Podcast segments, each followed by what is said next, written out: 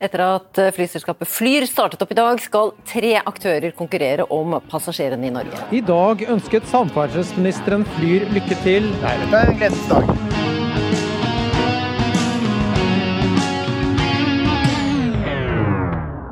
Dette er jo en trist dag. og Vi vil beklage overfor passasjerer og samarbeidspartner som blir berørt av dette. Og det er ikke minst ansatte som står uten en jobb fra i morgen av. Så det er en trist dag. Denne uken ble det kjent. Flyr, flyselskapet som skulle gi oss billige norgesreiser og fly oss til byer og strender i Europa, er konkurs. Men mange av oss rakk ikke engang å bestille de flybillettene. For bare 19 måneder etter at Flyr hadde fått luft under vingene, måtte selskapet nødlande og parkere for godt. Hva var det som gikk galt? Du hører på Forklart. Jeg heter Synne Søhol, og i dag er det torsdag 2. februar. Det pressebildet som kom da i oktober 2020, det er en gjeng menn som står på en brygge, alle i litt sånn blå skjorter og stramme dressjakker, fremoverbøyd, og det ser ut som de er Altså, de har så klokketro på dette prosjektet. Det er iallfall den viben jeg får da, av det bildet der. Og helt i spissen på dette bildet så står jo da mannen som skulle lede dette, nemlig Erik Bråten. Mari Malm, du er E24-journalist. Hva var Bråtens drøm med selskapet Flyr? Altså, han, han har sagt at han ville at dette skulle være et bærekraftig flyselskap. Blant annet fordi de hadde Eh, lavere kostnader og skulle konsentrere seg om å fly når eh, kundene ønsket det, istedenfor eh, at de skulle sette opp eh, avganger på masse forskjellige odde steder for å holde flyene i lufta. Eh, og så var de veldig opptatt av dette med god service, det har de sagt flere ganger. Eh, og Bråten sa i et intervju med E24 like før oppstarten sånn Nei, det handler ikke om å ha høye smørbrød og sånn, det handler om at folk skal føle seg veldig velkomne om bord. Og mange som har fløyet med Flyr, har jo også lagt merke til det der man får faktisk gratis flaske vann. Eh, så de har jo kanskje lykkes veldig med det, nettopp det at man følte seg veldig velkommen når man gikk om bord der.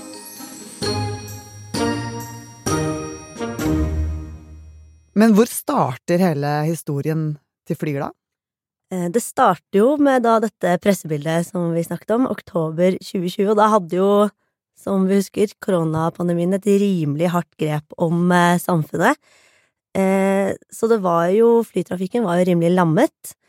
Eh, men midt i dette så kom altså Erik Bråten med denne nyheten om at han ville starte et nytt flyselskap. Tidligere Bråten-eier Erik Bråten og, eh, som vi ser, et maskulint lag med bakgrunn fra norsk luftfart starter nytt flyselskap. Vår ambisjon er at vi skal kunne tjene penger etter 24-36 måneder, men det er jo selvfølgelig Og mange tenkte sikkert at det var en spesiell tid å starte et flyselskap på, men poenget var egentlig at eh, det var lett å rekruttere piloter og kabinansatte som da var blitt overtallige i andre flyselskap, og at de kunne leie billig fly på grunn av den lave etterspørselen. Samtidig som Flyr planlegger oppstarten sin, så er det jo helt krise i Norwegian. Og de, de setter i gang en sånn rekonstruksjon av hele selskapet. Og flere eksperter har jo også ment at Flyr belaget seg litt vel mye på at Norwegian ikke skulle klare seg. For planen til Flyr var nemlig å ta over posisjonen til Norwegian. Men Norwegian, de får hjelp. Takket være aksjonærer og sletting av gjeld, så klarer de seg. Flere sier jo at Norwegian kom tilbake som en slags fugl føniks opp av asken, og folk flyr jo Norwegian nå. Disse ekspertene mente jo også at det egentlig ikke var liv laga for Flyr i utgangspunktet, og det handler egentlig mest om at det ikke er plass til nok et flyselskap i Norge.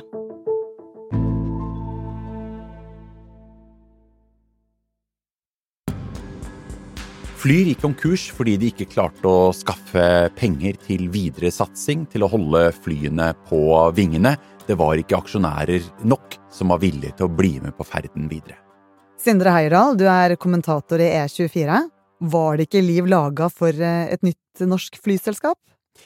Det var i hvert fall veldig vanskelig å få det til å gå rundt. Eh, dette var jo et flyselskap som i likhet med konkurrenten Norse startet opp midt under pandemien, hvor vi jo stort sett ikke kunne eh, reise. Og vi hadde da fire forskjellige flyselskaper på innenriksmarkedet i begynnelsen i Norge, hvor Flyr var en av dem, og så hadde vi SAS, Norwegian og Widerøe. Og så hadde vi også den nye aktøren Norstad på, på utenriks. Dette er veldig mye i et uh, lite land, som riktignok flyr mye tradisjonelt, men hvor heller ikke flytrafikken ennå er tilbake på nivåene før pandemien rammet oss. Og hva er det som skal til for å etablere et nytt norsk flyselskap? Ja, Det skal for det første mye penger til. For du må være rustet for nedturer, og det dukker jo nesten alltid opp en ny krise i luftfarten. Det kan være askesky, det kan være hva som helst.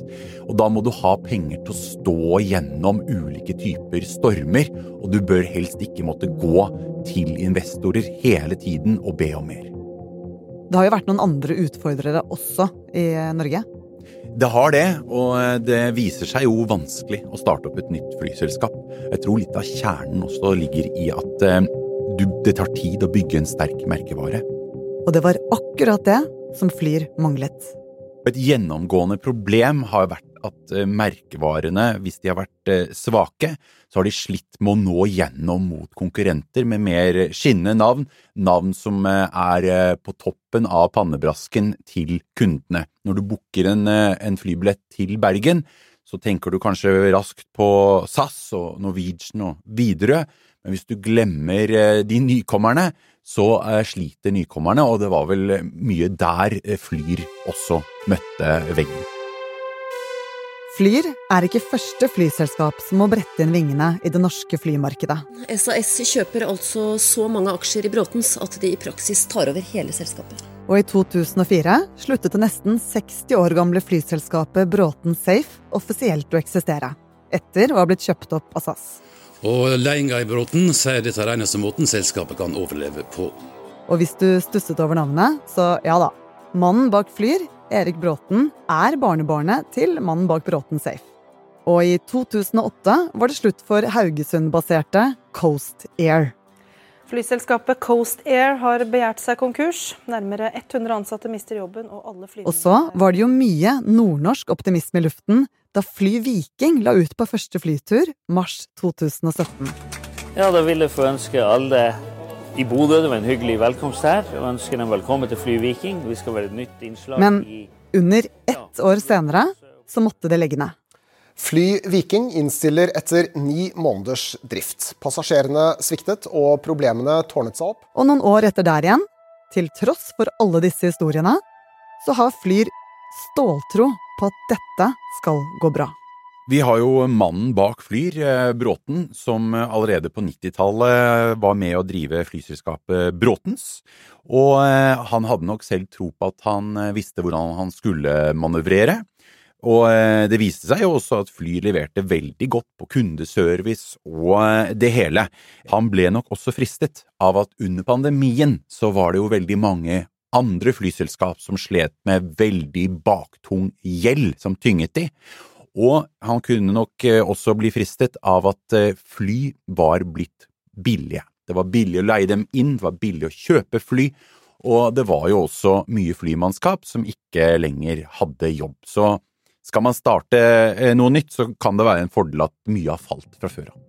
Men til tross for at flyene var billige, og at det var lett å ansette folk, til tross for at nordmenn flyr mye mer enn andre, så blir det vanskelig. For lille Norge har allerede mange flyselskaper. Vi har altså fire flyselskaper som eh, fløy innenriks. Og vi har et eh, annet, Norse, som eh, flyr utenriks. Og da blir konkurransen beintøff. Så mange passasjerer er det ikke. Og så er jo ikke flymarkedet ennå tilbake på nivåene fra før pandemien. Vi begynner å nærme oss innenriks, men eh, fremdeles er det mye å gå på på disse gamle, lukrative utenlandsrutene. Men er det helt umulig for et nytt flyselskap å komme inn? Det er beintøft. Det er eh, Du baler da med eh, masse konkurrenter, med mangel på penger veldig ofte. Og, og du må eh, altså være litt avhengig av flaks også, at det ikke kommer en ny krise i luftfarten som setter passasjergrunnlaget i fare. Og jeg tror kanskje Flyrs største problem der var at de ikke hadde hentet inn enda mer penger før de satset. De burde egentlig hatt en enda mye større krigskasse, så de kunne klart seg gjennom turbulensen enda mye lenger. Men nå som Flyr er gått konkurs, hvem er det som vinner på den konkursen da? Det er jo konkurrentene som eh, vinner på det. Det blir én aktør mindre. Og nå i det siste så hadde jo Flyr eh, egentlig blitt borte fra innenriksmarkedet. De satset på turer til Syden-destinasjoner. Så det er jo særlig på de rutene at eh, nå prisene kan stige, fordi konkurrentene er kvitt én. Rundt 400 folk har nå mistet jobben sin, og flere reisende sitter konkursfast. Og hva vil konkursen ha å si for oss som eh, planlegger å reise i sommer? Vi får jo én mindre å velge blant, og det vil helt sikkert på marginen bidra til at billettene på utenlandsreisene våre blir dyrere. Og så var jo Flyr berømmet da, for å ha god kundeservice, og mange satte pris på en eh, ekstra flaske vann om bord også. Det har vi da ikke lenger derfra. Så er dette slutten på billigbilletter for norske flypassasjerer? Det er jo fremdeles ganske mange selskaper for et såpass lite land som Norge er. Eh, så jeg tror ikke det. Det er fortsatt muligheter, og vi har jo også andre aktører, andre utenlandske selskaper som har en del ruter fra Norge. Men vi må nok eh, belage oss på at i snitt blir det litt eh, dyrere, og vi må bli enda mer selektive i hvilke ruter vi plukker, og når vi velger å fly.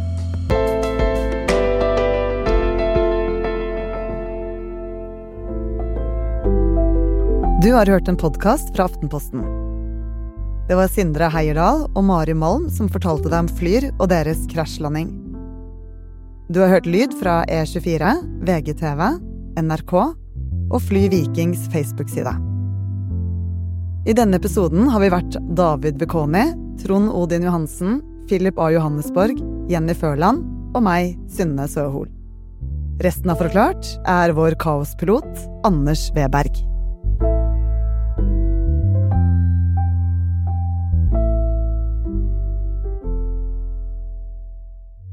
Jeg vet ikke om jeg kommer hjem i live eller i kiste fra utlandet. Jeg vet jeg er i en sånn situasjon. Det er den realiteten jeg står overfor. Hun fikk en dødelig diagnose, men nekta å gi opp. I et halvt år har vi fulgt kreftsjuke Shabana Rehman gjennom nedturer og triumfer. Nå tenker jeg at vet du hva, jeg har lyst til å leve. Men hvor kom denne kampgløden fra? Det ble alkohol. Han hadde sine utbrudd. Hvis du var ung minoritetskvinne og gikk ute sent, så kunne du bli stoppet opp og spurt hva gjør du ute så sent, hvor er foreldrene dine? Det provoserte meg jo vanvittig.